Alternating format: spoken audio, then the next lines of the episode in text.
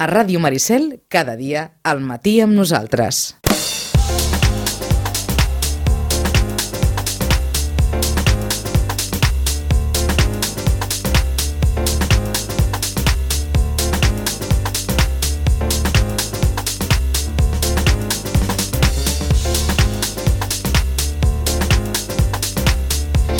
Any d'eleccions tenim la, la, la xuleta sobre la taula des que el mes passat en varen començar a parlar eleccions europees 2014 25 de maig 400 milions d'europeus podran decidir com seran el Parlament i la Comissió dels propers 5 anys. Recordin que la Comissió fins ara s'escollia més o menys a dit, ho ha dit directament, i ara això no serà dit, seran els ciutadans d'Europa, embolicats com estem en tantes coses alhora.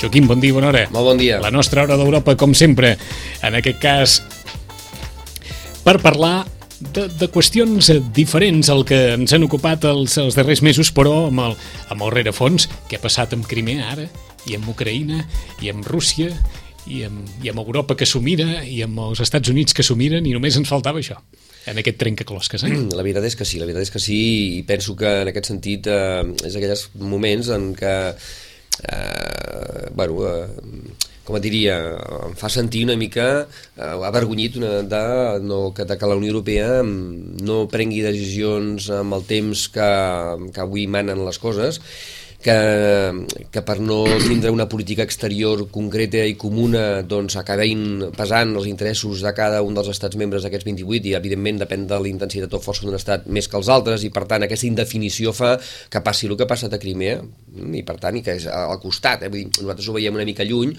però bueno, està al costat del que serien les, les, les fronteres de la Unió Europea si ens creiem membres de, de la Unió Europea. Uh -huh. Per tant, eh, i amb les conseqüències que això pot portar, eh? perquè clar, de moment eh, encara la cosa, eh, tothom pensava que acabaríem, que ja tindríem trets al carrer, que n'han tingut, eh? aviam, hi ha hagut, eh, però bueno, que pensaven que estaríem ja en una plena eh, guerra civil, que de moment, doncs, bueno, sembla ser que, que, que, que la cosa es conté, però clar, evidentment doncs, eh, la imatge que la Unió Europea té en aquests moments al món eh, com a àrbitre o com a um, jugador internacional eh, queda molt tocada. No? Jo crec que aquest és una mica, per mi, el, el gran problema que en aquests moments tenim. I, i què fas amb un territori que té, no direm que dividida per la meitat, però vaja, d'una forma molt evidentíssima, una part de la població que mira molt cap a Europa, cap a la Unió Europea, i una altra ah, part clar. de la població que mira molt cap a, cap a la Rússia. De fet, això ja ho comentàvem eh, fa un, em sembla que a l'anterior programa ja havíem començat una mica de dir perquè hi ha una part de la població més pro-russa, una altra més pro-Unió Europea, doncs bueno, hi han poder interessos més de tipus econòmic que farien pensar que possiblement els lligams que hi ha en aquests moments encara amb algunes empreses importants de, que són de, la, de Rússia, pues, ser prorussos els hi donava una certa avantatge eh, per interessos econòmics, no de poder, no de tota economia, poder d'una part com per exemple en aquest cas pues, Crimea, Després també hi ha altres interessos econòmics de futur que poder enllaçats amb, amb, economia, amb l'economia de la Unió Europea per altres sectors de la població d'Ucrania pues era més interessant. I després hi havia una mica la població de, de, de peu de carrer, que dic jo, que clar, veien una mica la Unió Europea com una garantia, com nosaltres al 86 vam entrar, que poder ara doncs, ja ho veiem, en fi, una mica així... No, no tenim uh, aquesta sensació, ja no tenen eh? sensació, eh? Però tenen ells, eh, com que parteixen d'una realitat diferent a la que nosaltres en aquests moments ara tenim, i per això ens ho mirem diferent, ells s'ho miren com nosaltres ens ho miràvem al 86. Home, entrar a la Unió Europea doncs, és una garantia de, un, de, de consolidar unes conquistes que estem, estem realitzant i que encara ens queda camí de drets civils, de drets socials, d'igualtat eh, d'oportunitats, eh, etc etc també una garantia d'un cert progrés mm, una mica ordenat, eh? vull dir, social, econòmic, etc. I després la garantia de que, malgrat aquesta gent es baralla molt dins, dins la Unió Europea, no acaben a trets, que és el que a Europa doncs, la història ens ha anat marcant durant molts segles. No? Per tant, eh, hi havia aquestes sensacions. Clar, tot, tot això ha anat, bueno, ha anat en, pocs, en, poques, en poques mm, setmanes. Si fa uns mesos ens ho haguéssim parlat d'aquest tema, és a dir, d'un programa com que el tenim sí, mensual, sí. en un mes, escolta, eh, mires el mapa i dius, escolta, més que ha canviat, eh? Fa un mes parlàvem de les manifestacions al carrer. Clar, clar, clar, clar. I, i a més a més, a Kiev, no, no, no, no ningú, ningú tenia eh, eh. al cap encara que podia arribar a passar amb Crimea, ni en aquell moment ningú apuntava, no? Mm -hmm. Podia algú agosarat, deia, què passarà allà? Ni tan sols es, es, es pensava que passaria per, això, per, com eh? Refresquem la memòria, Ucraïna no forma part de la Unió Europea, eh? No, no, no. No, no, però en canvi sembla mentida fins a quin punt la Unió Europea està pendent del que, del que passa a Ucraïna. Eh? De, de, fet, de fet, ja fa temps, ja fa temps que és aquella nòvia que tothom festejava, tant a Rússia com la Unió Europea, justament perquè també està en una situació dins, la, dins el mapa del continent europeu. Molt estratègic. Ge, geoestratègicament molt important, també eh, no només econòmicament, sinó també per un tema energètic, sabem tots, i ens recordarem ja fa uns anys, quan llavors el Javier Solana era el Mr. Pesc, el, el que era en aquell cas era el responsable de política, de, de, de, de política exterior i de seguretat comuna mm -hmm. de la Unió Europea. El que fa ara Catherine Ashton. Exacte, el que fa ara Catherine Ashton. Ens en recordem aquells viatges a eh, moment donat d'un hivern al mes de desembre anant a parlar amb el Putin, escolti'm, no pari eh, o no bloquegi el gas eh, que passa per Ucrania perquè va, està afectant altres països de la Unió Europea perquè el gas passa per aquí, no? I, i bueno, el Putin en aquell moment va ser molt, molt hàbil coneixent que ostres, la ixeta aquesta em dona un poder que fins ara poder no, no era conscient que tenia. No? Mm -hmm. En recordem-se d'allò i, i veurem una mica que des d'aleshores doncs, es tot va que considerar... tot, tot torna, eh? Perquè, Sí, esclar, clar, eh, clar, clar. el gas l'has de vendre amb algú. clar, si tu, vols tenir, evident, si tu vols tenir ingressos, eh, Rússia també ha de vendre el Una gas amb algú. I una de les empreses més importants és el Gazprom Eh, aquesta, que és l'empresa aquesta, sí, no? sí, entre altres coses, patrocinadora de la Lliga de Campions. Per exemple, També, no? el Gazprom, doncs el gas rus patrocina també la Lliga de Per Campions. això, per això que llavors, eh, i aquest és un, és una, un És exemple tantes concret coses, dels eh? interessos que s'estan jugant en aquests moments, no? I per tant, doncs, a mi, a mi com a europeista el que em sap greu és que la Unió Europea amb aquests temes de política exterior eh, anem molt alentits amb posant-se d'acord i evidentment les coses, torno a repetir, el món va massa ràpid per una Europa que encara avui en dia va massa lenta prenent decisions, Mhm. especialment des d'aquest àmbit. Per tant, en la imatge a nivell mundial queda tocada, molt tocada. Eh, um, no tenen res a veure, eh? però, eh, però aquest any entre el, el procés català per una banda el procés irlandès per l'altra. El que està passant al Parlament de, eh, de Crimea, que decideix unilateralment eh, posar-se del costat eh, de Rússia i en espera d'un referèndum aquest cap de setmana.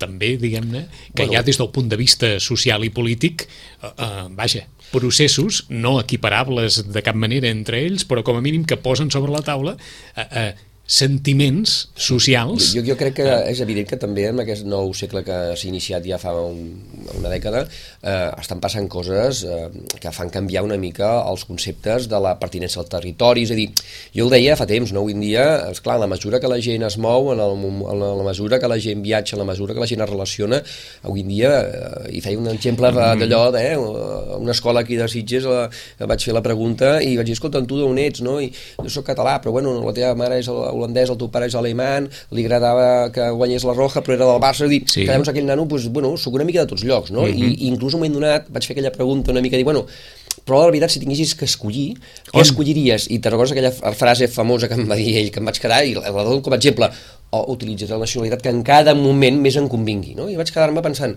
ostres, és un Això canvi ho va de dir un nano de quants anys? 12 anys. 12 anys, eh? Per tant, és un canvi... Utilitzaré la nacionalitat que em convingui a en cada, moment. Si, si És per anar a aquí- estudiar haig de dir, ostres, vull anar a una universitat alemana, em donaran una beca, doncs aquest, utilitzo... aquest punt de vista tan pragmàtic de, de, Clar. de la vida, eh? I per tant això fa que, que les coses canvin, no? I en aquest sentit ho Ah, veiem, no? Doncs mai havíem vist tampoc tan russos com ara.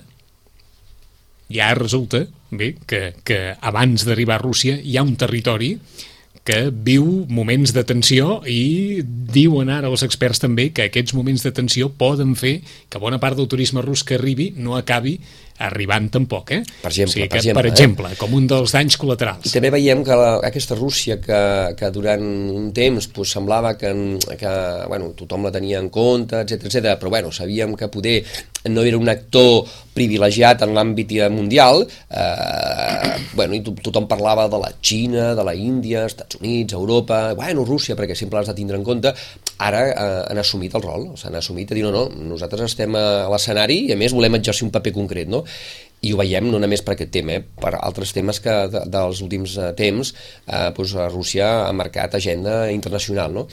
I bueno, això vol dir també estan canviant, està canviant tot una mica, no? Vull dir, eh, en aquesta, en aquesta via de que la Unió Europea doncs, bueno, anem assumint un, un rol no tan eh, privilegiat o tan eh, important com havíem, eh, estàvem acostumats a, a tenir en l'escena internacional, no?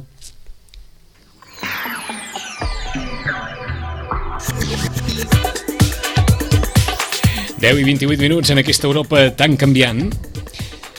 És clar, hi ha també persones que recullen informació i la informació cada dia cada dia genera d'una manera vaja, evidentíssima i en gran quantitat. Saludem a la documentalista del Centre de Documentació Europea de l'Autònoma de Barcelona. Ho és des de l'any 2002. El centre es va obrir l'any 1985. Ella és la Conxa Muñoz Ruiz i ens explicarà també, entre altres coses, la iniciativa Europa a peu de carrer. Conxa Muñoz, bon dia, bona hora. Bon dia. Eh, des d'un centre de documentació suposo que també es deu tenir una visió molt, molt, molt àmplia de tot el que està passant, no? Sí, clar. Nosaltres ens dediquem a informar cada dia a través dels nostres productes online del que passa, del, de l'efecte que té o de, la, o de com de que publiquen els investigadors, els diferents mitjans, i ho recollim, i sempre des d'una perspectiva de la Unió Europea, en el nostre cas. Eh, com acostuma a funcionar per, per aquelles persones que habitualment no ens movem en aquest àmbit? Un, un centre de documentació, mm, com acostuma a funcionar? Si ja hi ha un, un procediment, hem d'entendre que sí, uns protocols de funcionament, i si en l'àmbit del Centre de Documentació Europea de l'Autònoma de Barcelona hi ha també uns processos que l'experiència ha posat en, en pràctica i són processos quotidians per la gent que hi treballeu. Molt bé. Sí, doncs el Centre de Documentació Europea és un servei de la universitat per obert a tota la ciutadania. Uh -huh.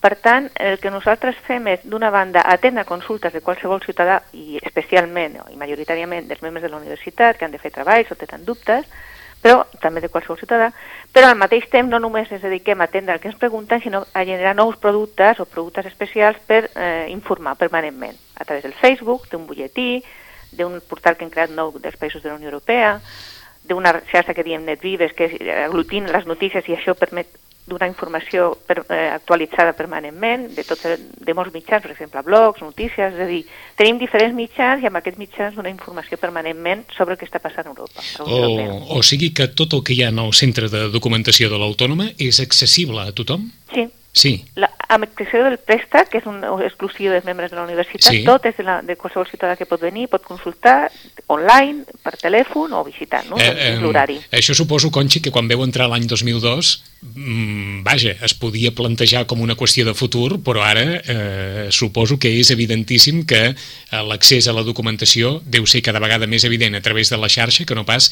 a través d'una via presencial, no? Efectivament, és el que va canviar molt. L'any 2002, quan jo vaig entrar, estava una etapa de transició perquè havia deixat de ser un centre on la gent venia a consultar aquí el diari oficial i ja estaven entrant online totes aquestes fonts i per això va, va ser necessari que nosaltres adaptéssim i creéssim productes, no crear el, di- el diari ja existeix, sinó productes que s'expliquen, que ajuden a transmetre, que es, es resumeixen a través del butlletí, fas un, una selecció de recursos, vull dir, el que fas és resumir una mica tot el que passa i fer-lo amigable, fàcil, entenible i tot això. Una qüestió molt de vida quotidiana. S'ha perdut, eh, no sé, aquell, aquell contacte amb els alumnes, amb els investigadors, el, el contacte presencial i, i se n'ha establert un altre a, a través de la xarxa vir- virtual que és, que és equiparable o, o, no? Home, eh, és diferent. El que passa és que realment ara, gràcies al, a l'espai virtual, per exemple, en Facebook tenim 877 seguidors en aquest Ahà. moment, són molts, i, i, i a més hi ha feedback, eh, diuen me gusta, comparteixen, per tant, eh, el feedback és important i la relació, ara de fet tenim més usuaris que abans, perquè abans potser era només l'estudiant de dret que estudiava mm, pues una, les lleis i tal, i ara Sí. no, ara és els ciutadans que es miren les notícies que publiquem sobre les eleccions, sobre drets, sobre moltíssimes Eh, coses. em, ara, evidentment, ningú deu demanar fotocòpies de res, gairebé, no? No, però sí que escaneiem articles, Ah. perquè encara hi ha documents en paper que sí que ens enviem entre col·legues, altres persones que s'estan buscant, altres universitats de- d'Espanya, sí, hi ha, hi ha moviment diferent, evidentment, però sí que hi ha d'aquest tipus. Per la vostra experiència, eh, Europa interessa, interessa cada vegada més i quins són els temes, si és que es pot d'alguna forma eh, eh, prioritzar, que acostumen a interessar més a investigadors, estudiants sobre, sobre la Unió Europea, tots els processos que, que pot comportar eh, la Unió Europea des d'un punt de vista administratiu, des d'un punt de vista social, històric, què, què és el que més interessa? Què més interessa? Home, això té a veure també amb, amb els treballs que fan els investigadors del teu grup, dels grups que, amb que relacionen, bueno, que estan vinculats a la universitat. Aquí, per exemple, es treballa molt la cooperació transfronterera, que de fet a Catalunya té impacte, en, en França. Hi ha, hi ha molts, el tipus d'alumnes que tenim hi ha un màster de Relacions Internacionals i es fan moltes consultes de relacions amb altres països de fora de la Unió Europea. Eh, no sé, evidentment, eh, el dret ciutadania, la, Mhm. el dret constitucional europeu, el, el procés d'integració. El, el que seria pel que comenteu, sobretot, la relació entre eh, Catalunya i la resta de la Unió Europea, la interrelació en diferents aspectes? Sí, sobre aquest, efectivament hi ha moltes consultes que tenen a veure amb les relacions de Catalunya i la Unió Europea. Sí que és bastant freqüent, molts, de fet, els estudiants moltes vegades els seus treballs es fan des d'aquesta perspectiva. Aquí deu arribar molta informació cada dia. Sí, Sí. clar, contínuament. I suposo que la feina d'una documentalista deu ser a vegades, eh, eh, vaja, bastant feixuga, perquè eh, documentació sobre Europa en deu arribar des de molts vessants diferents i no només, òbviament, des de, des de Catalunya, l'estat espanyol, sinó de tot arreu, no? Clar, bueno, és que ens arriba el que és la informació institucional, que genera Ahà. diferents agències i tal.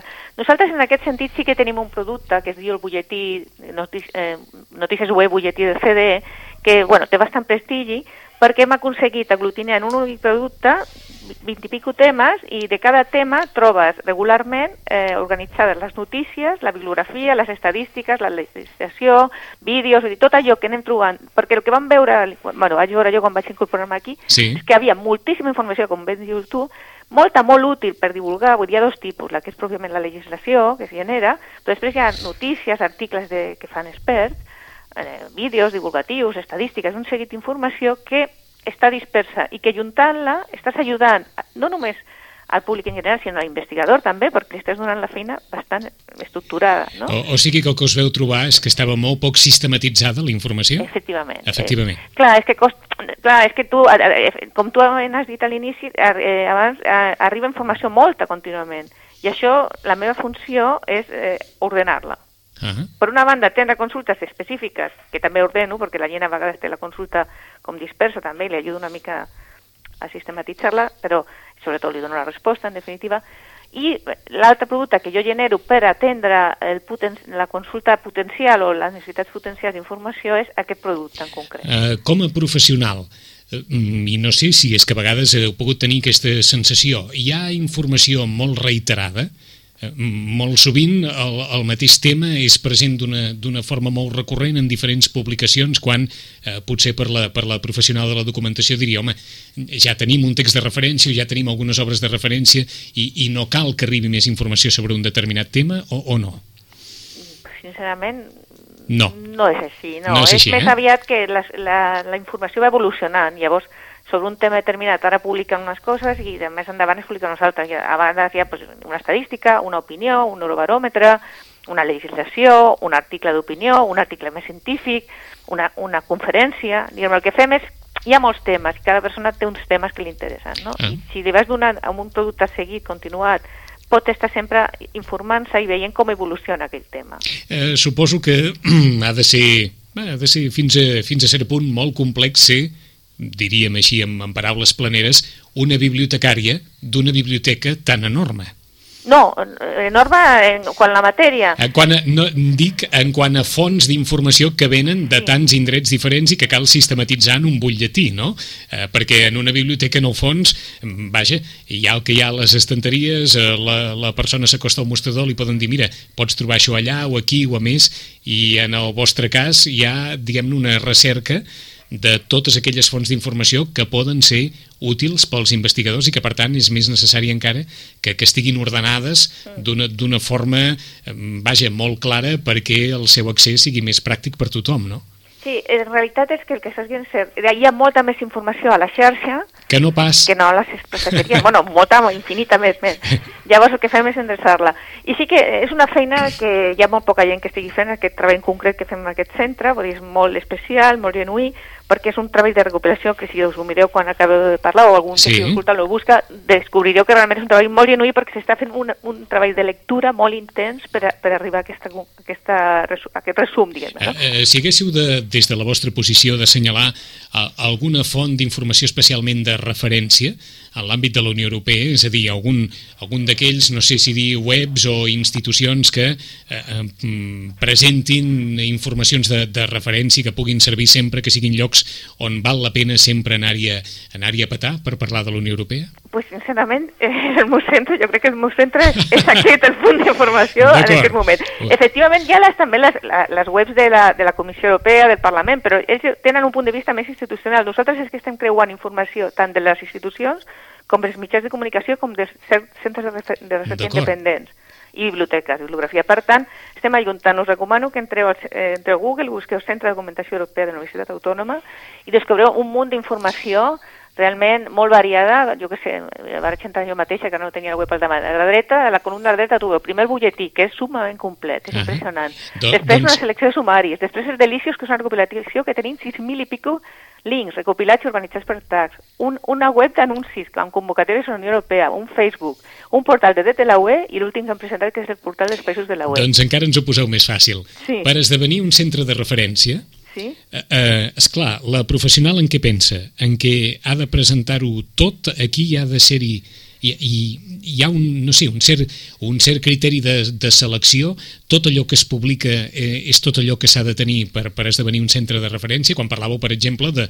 vaja, de- d'un apartat en què hi ha plegats com a 6.000 links que porten a diferents continguts, és clar, només d'escoltar els 6.000 links, probablement algun i en la seva vida tindrà ocasió de consultar-los tots. No, aquest, Eh? aquest és el, potser producte més menys, eh, menys útil, menys, fàcil d'usar per a l'usuari, però més útil per mi, perquè aquest l'utilitzo jo molt per atendre consultes. Entesos? Aquests 6.000 i pico, que en total són 6.669 actualment, té Déu-n'hi-do. 700 i pico tags.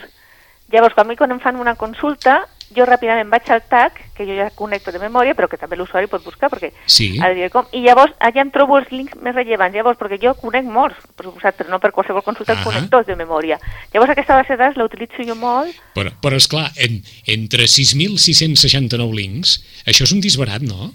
Bueno, això és una base de dades, Google té Sí, molts sí. més, una No, selecció no. del que Ja. n'hi ha, però això no, això no és el producte, eh, aquest no és el producte de divulgació, aquest No, és no. una base de dades de links. I a Enteses. més a més té una, una possibilitat. Però això també és accessible a tothom, eh? el Sí, Que sí, ens això esteu- està online. És, és, Delicious, de fet, és una xarxa social, com Sí, Facebook, sí. i que et permet recopilar. I les biblioteques, algunes com la nostra, hem creat aquest, la utilitzem per recopilar links. Però D'acord, aquest és un és treball dir, complementari. és a dir a, tra a través de Delicious heu aconseguit fer una recopilació de links Clar. relacionats amb la Unió Europea En temàtica, sí. en temàtiques diferents i en són més de 6.600, eh? Sí, actualment sí. I llavors hi ha una altra cosa, hem fet una altra cosa que és els tag bandes, que és eh, un, grans grups com una mena de tesauros, llavors aquí sí que hi ha uns 16 tag bandes, i llavors tu et permet veure, per exemple, l'apartat d'agricultura i pesca, veuries, entraries a dins i veuries quins tags estan relacionats, Ahà. per no haver de mirar 700 tags, per així dir. Llavors hem fet com una mena de tesauros, no? Eh, eh, Conxita, que éreu bibliotecària, Si sou bibliotecària? Sí. Sí, clar. Eh, No, no, és que us ho pregunto per si al final un pensa, mare de Déu, des d'allò que vaig estudiar fins ara parlar de tags, de delicious, de links, etc Sí. etc, hi ha una diferència i, i ara la forma de presentar la informació no té res a veure amb el que vaig aprendre en el seu dia. Sí, sí, bé, clar, això el món ha canviat molt i ara les bibliotecàries el que ens fem és adaptar-nos a, Ahà. a les noves tecnologies, és, és fonamental. Perquè, esclar, el 2.0 i el 3.0 ho deveu tenir a l'ordre del dia aquí, eh? Sí, sí, nosaltres, de fet, les biblioteques van ser de les primeres que van entrar en internet, abans de que se, se, se fos un estàndard social, vull dir, estem des del principi, vull dir, és Ahà. fonamental per a la nostra feina. En aquests minuts finals, què és la iniciativa Europa a peu de carrer? Val, la iniciativa Europa, Europa a peu de carrer surt d'unes amigues precisament vinculades al Centre de Documentació Europea, que eren usuàries, amigues, que volíem, ens van reunir casualment, estàvem parlant i tal, i van proposar fer aquest producte, bueno, aquest, aquest projecte, el que volíem és apropar Europa, encara que hi ha molts, moltes entitats que ho fan, als ciutadans. I el nostre cas és que pensem que, malgrat que el Consell Català del Moviment Europeu i molts altres fan, cadascú té el seu, per així dir-ho, el seu públic. Nosaltres podíem arrossegar altres públics, però en realitat el que volem fer és dos coses. Una, organitzar tertúlies amb candidats eurodiputats en aquesta primera etapa. Mhm. la, primera, la propera és el 26 de, de març, bueno, la propera i la primera serà que la farem amb el eh, candidat d'iniciativa a l'Aula Europa, però a més a més, eh, més endavant farem més, i quan això s'acabi segurament seguirem fent tertúlies per parlar de coses concretes, vull dir que volem fer coses senzilles on la gent pugui parlar amb els polítics, amb els experts, i aclarir els seus dubtes d'una manera planera i col·loquial. I a més a més, tenim un blog en el qual, que jo també Europa per el carrer, que animo els oients que el visitin, a, i afegim molta informació amb enllaços, amb, amb activitats, el que fem nosaltres, però també activitats que estan fent contínuament a Catalunya per explicar Europa. Vull dir, és un punt d'informació sobre la Unió Europea i actualment específicament sobre les eleccions. Tot això és una més a més de la vostra feina quotidiana, Sí, sí, eh? això és que ho faig com a voluntària, per així dir-ho. Caram, doncs déu nhi eh? Sí. Eh, eh? Perquè el que ens heu de dir té gairebé eh, ens heu proposat una, una versió més, eh, més accessible encara que la de la pròpia biblioteca, que és, que és aquest, uh, aquest blog que es titula europapeudecarrer.blogspot.com.es. Sí. És a dir, seria, què? Una versió més accessible, més reduïda, sí. més sintètica del que és el, el veritable fons de la biblioteca present a la xarxa? Sí, Sí. i sobretot molt centrat en aquest cas en les eleccions. En les eleccions i Sí, i en el peu de carrer. Una mica no està tan pensat per la recerca, sinó està més pensat pel, pel contacte més directe amb la ciutadania i la possibilitat d'intercanviar Doncs- opinions. I, bueno, hi ha alguns links que el que volen és, apro és Ahà. senzillament apropar. Doncs, una doncs una,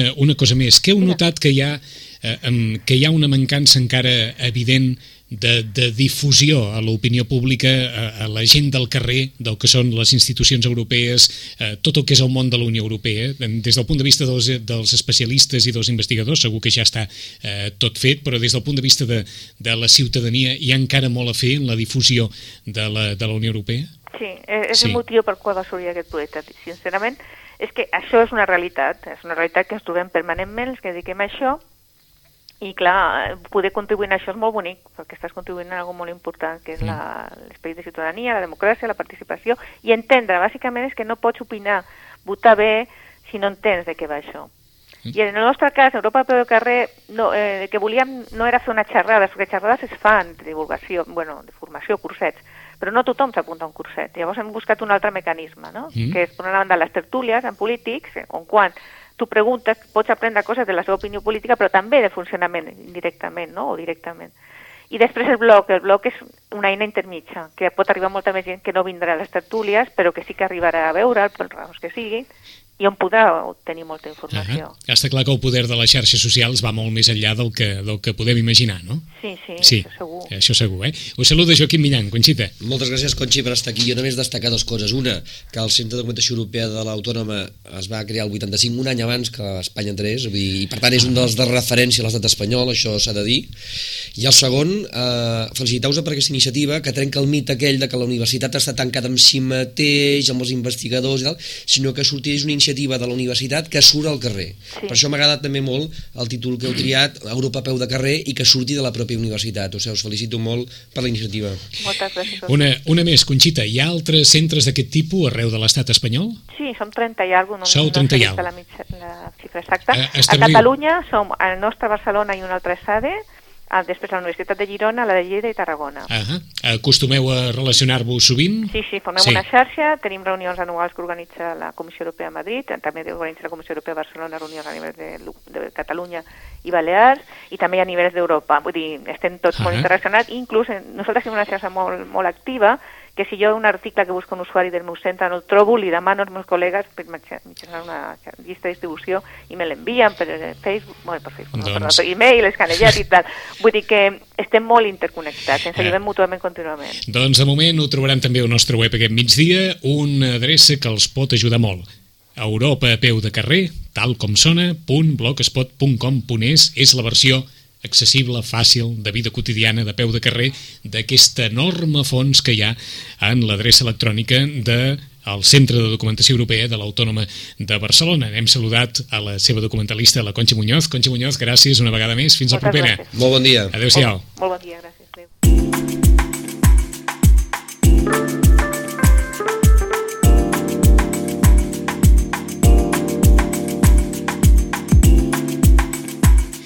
Deu i 46 minuts es vota poquet, però s'escriu molt sobre Europa, això està clar, eh?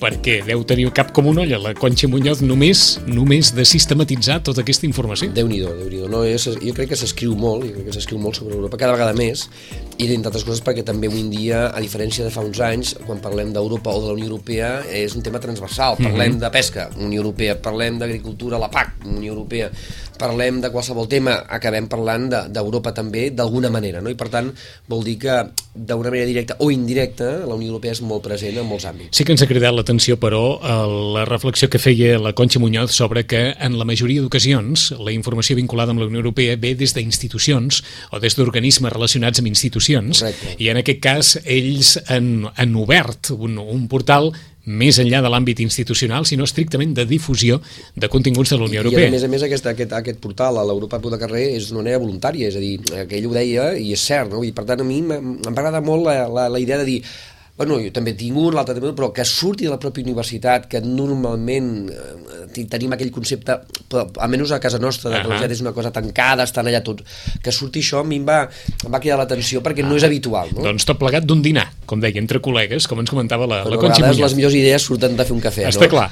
Eh, Esther Cabarró és llicenciada en Filosofia i actualment acabant els estudis de Ciències Polítiques a la Pompeu Fabra. Treballa a Deloitte, una multinacional dels serveis professionals, a la vegada que col·labora amb l'aula d'extensió universitària de la UPF com a professora convidada. Ella ha posat en marxa una iniciativa que es titula Sexy Europe i diu, entre altres coses, Crec que en política, com també passa a la vida, el més difícil és ser conseqüent amb el que un mateix pensi i creu, beneïdes paraules. Jo crec en la llibertat, diu Esther Gavarró, la integritat i l'esforç, crec en els nous estats-nació, les ciutats. La meva obsessió, Barcelona. Veig Europa com el mecanisme perfecte per enllaçar ciutats i ciutadans. Saludem Esther Gavarró. Esther Gavarró, bon dia, bona hora. Hola, bon dia. Uh, com definir d'una manera bàsica aquesta iniciativa titulada Sexy Europe? Bueno, doncs suposo que també com a peu de carrer, doncs l'altra iniciativa que heu presentat, nosaltres, que som sis amics de la Pompeu, que ens acabem de graduar menys eh, aquest any, Sí. doncs a través d'un cafè, de milers de cafès que vam fer, va sorgir la idea doncs, de traslladar virtualment doncs, a totes aquestes converses que teníem fent cafès i que, doncs, que acabàvem decidint que Europa era la, era allò que ens unia a tots, no? Tots, venim, tots tenim condicions ideològiques diferents, però Europa és allò que ens unia. I per tant vam dir, doncs, quina cosa millor que aquest any, que són les eleccions europees, doncs posar-ho en marxa. Uh, mira que la tenim castigada a Europa com perquè, no sé, aquest sexy Europe pugui fer encaix no? davant, de, de, davant de la crisi, davant últimament del paper d'Europa, ara ho comentàvem a l'inici del programa, a la crisi de, de Crimea, de totes aquestes coses, és difícil no? vincular, no sé, quelcom tan, tan edificant emocional, emocionalment com el concepte sexy amb l'Europa actual, amb la realitat actual, o no? Bueno, contra, suposo que contra aquest pensament eh, negatiu que sovint doncs, trobem, doncs, trobem pel carrer, nosaltres volíem lluitar i incidir sobre aquest pensament negatiu. I volíem també una mica doncs, causar aquest, que ens fessin aquesta pregunta, no?, de per què sexy? Doncs perquè nosaltres sí que creiem que pot ser sexy, que Europa ens ha de pertanyar als joves i que l'hem de fer atractiva. I doncs per això vam intentar provocar també des, doncs, des de l'inici amb el nostre nom. Mm. I nosaltres sí que creiem, estem convençuts doncs, que, que Europa pot ser sexy, tot i que les notícies doncs, ens facin pensar tot el contrari. Heu obert un eh, portal web. Què hi ha Sí. allà? Doncs hi ha diferents coses. Hi ha, mm, hi ha, per exemple, una secció que es diu EU for Dummies, que doncs, té l'objectiu de difondre eh, tot el coneixement sobre Europa d'aquella manera que a nosaltres, com a estudiants, ens hagués agradat que ens, que ens haguessin explicat. O sigui que, o sigui que d'entrada coincideix mm, segurament eh, l'Ester Gavarró amb la Conxi Muñoz en què el coneixement a peu de carrer d'Europa continua sent limitat. Totalment, Totalment. totalment. Sí, sí, sí.Nosal creiem, doncs, nosaltres, quan tots ens agrada Europa, alguns de nosaltres doncs, han tingut l'oportunitat de, fer, de fer pràctiques a diferents institucions de la Unió Europea i tots hem, hem arribat a la conclusió que fins que no t'hi topes per, pel teu propi interès, doncs realment no acabes coneixent eh, què és la Unió Europea, Ahà. perquè ningú t'ho ha explicat d'una manera fàcil, didàctica i, com nosaltres creiem, atractiva, no? I és per això que nosaltres vam dir, doncs anem a explicar-ho. Ara que nosaltres sabem i hem localitzat eh, el coneixement, anem a posar-lo de manera fàcil, de manera intuïtiva, eh, a la gent, a l'abast de la gent, perquè puguin entendre fàcilment què és la Unió Europea. I doncs aquí doncs, que féssim aquesta secció més, doncs, més didàctica. Ah, per una banda hi ha aquesta secció de Europe for Dummies, o sigui, per, allò, allò de para tontos, com s'havia definit Mhm. Molt, eh, molt, molt en els llibres d'informàtica en el seu moment. Què més hi ha, Exacte. Esther? Després hi ha tot un apartat de- d'entrevistes que els estem fent als eurodiputats i que també estendrem doncs, a tota aquella gent que està per Europa i, i que ens diran la seva, doncs, estudiants de, que hem conegut, amics d'amics, que, que els estem passant doncs, un formulari i ells mateixos es graven en vídeo les seves ciutats on estan residint i quedaran uns vídeos eh, molt xulos, que és una part doncs, més, més didàctica. També hem preparat, que encara no, no l'hem publicat, però un vídeo sobre el que ha fet el Parlament Europeu per tu els darrers cinc anys, Sí. i és una part molt més visual de, de la web, amb, amb vídeos doncs, explicar d'una manera més, més entenedora doncs, totes aquestes totes aquestes coses. Mhm. Fins a quin punt veu pensar en si el web havia de vincular-se o no, i quan refereixo a vincular-se, a expressar opinions eh, relacionades amb determinades ideologies polítiques o no, o el web s'havia de mantenir eh, al marge de tot això? Bueno, nosaltres, com he dit al principi, som sis amics i els sis tenim un pensament diferent sobre la política. Ningú, cap estem d'acord eh, amb res, quasi bé. Llavors, el que teníem sempre molt, el que hem tingut sempre molt clar des de l'inici és que tot havia de ser de la, o sigui, de la Unió Europea i per la Unió Europea i cadascú podia expressar doncs, el que més li importava, el que més li interessava. Evidentment, nosaltres tenim, doncs, com, com Brussel·les o com Europa, tenim els nostres mecanismes burocràtics de correcció on, on, bueno, on, on ens llegim les coses entre nosaltres per veure doncs, que, doncs, que tot sigui correcte, però bàsicament tenim llibertat total per escriure. Mm -hmm.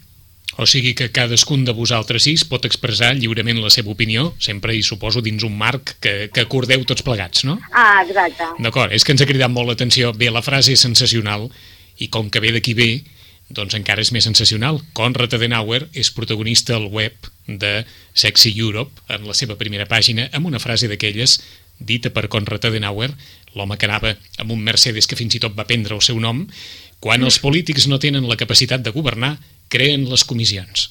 Frase de Konrad Adenauer. Fa, fa d'això... Eh, eh, no sé si vosaltres teniu la, la sensació a vegades que la història repeteix en alguna cosa o no? Sí, segur, sí, segurament sí.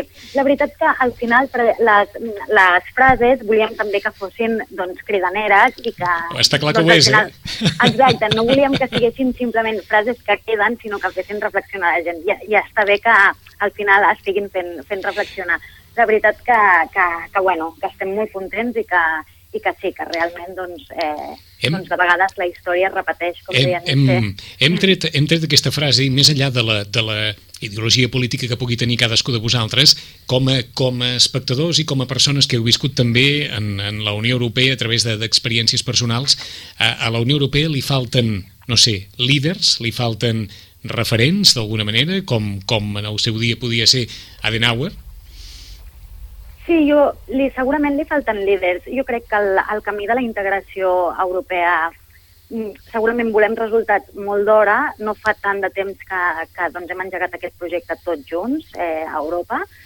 i jo crec que a poc a poc, doncs, si la ciutadania, si la gent, si els joves eh, volem líders i volem coses, la manera de fer les coses diferents, ho anirem aconseguint crec que doncs, els processos són llargs i hem de tindre paciència i hem de lluitar, doncs, i aquí Sexy Europe doncs, vol incidir, hem de lluitar perquè les coses siguin diferents. Ara bé, doncs, aquestes eleccions ja són un proper pas no? doncs, per crear una mica de lideratge. Doncs, podem votar el, el, d'una manera indirecta, doncs, però podem votar el president de la comissió. Mm. Europa no és Estats Units ni tampoc la Xina. Uh mhm. -huh. eh, aconseguirà diferenciar-se de debò a Europa en la manera de fer les coses, en la manera de eh, fer bandera de determinats valors davant de el que té a l'oest i el que té a l'est?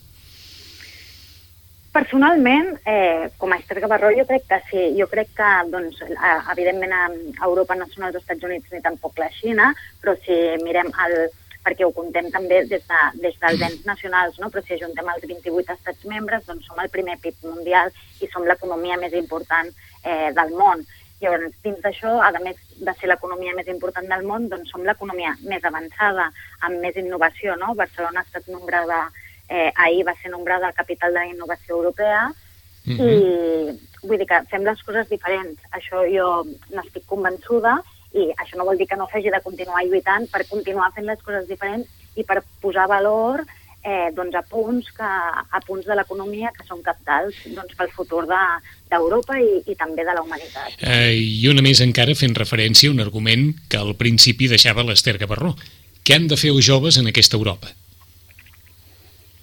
Doncs incidir-hi. Jo diria que els joves hem d'incidir sigui de la manera que sigui, no? de, de totes les maneres. Eh, hem d'incidir per, per, doncs, per fer veure que nosaltres tenim una idea del que vol ser Europa, que els nostres pares i els nostres avis van lluitar per, per formar part d'Europa de, i que ara nosaltres agafem, aquest, agafem el, seu, el, el seu llegat i volem una nova Europa. Hem de definir el que, doncs, el que en el futur eh, serà Europa. I per això doncs, hem de, hem de treballar-hi sobre, sobre el terreny, no? a peu de carrer, com, com diuen les nostres companyes, hem de treballar a poc a poc, cada un des de l'àmbit doncs, que, doncs, que, que coneix i que li pertoca, els politòlegs des de l'àmbit que ens pertoca, els economistes des de l'àmbit que els pertoca i la gent de la cultura doncs, també des de l'àmbit que, que li pertoca.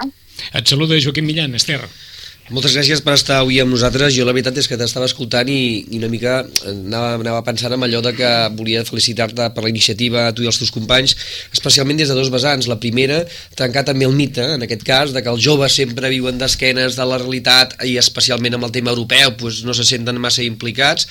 Per tant, en aquest sentit, jo penso que això es trenca amb la vostra iniciativa que sorgeix des de, des de la vostra joventut i després, escolta'm, felicitar-te en aquest cas ja molt personalment per tindre els nassos de posar Sexy Europe la iniciativa iniciativa. Penso que, eh, jo penso que és, eh, està molt bé perquè justament, com deia molt bé el Vicenç al, al començar, dius, és que t'heu posat un nom que déu nhi no? Doncs home, que els joves la considereu sexy o la trobeu sexy en algun àmbit concret, a mi ja m'agrada.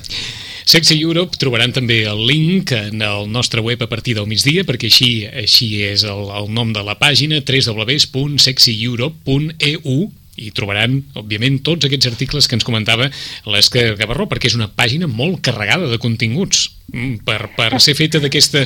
Vaja, d'una forma, no sé si dir, Esther, això és fet d'una forma molt, molt modesta, suposo. Eh, esgarrapant, esgarrapant el temps d'on sigui. Això és feta d'una forma molt, molt modesta i molt, molt voluntària. Hem mm. tingut la sort que entre un de nosaltres és informàtic, uh -huh. l'Edu, i doncs ha pogut fer aquesta pàgina web que és genial i es, sembla professional fins i tot, però vam, realment fa tots els sits, fa molt, fa mesos que no mirem la tele ni, ni pràcticament. doncs, doncs felicitats per l'esforç, Esther, gràcies per estar aquí matí Gràcies, bon dia, fins la propera. Moltes gràcies a vosaltres. Gràcies, adéu-siau. Adéu. Joaquim, gràcies, fins aquí un mes. Gràcies, fins un mes. Són les 11, notícies, fins ara.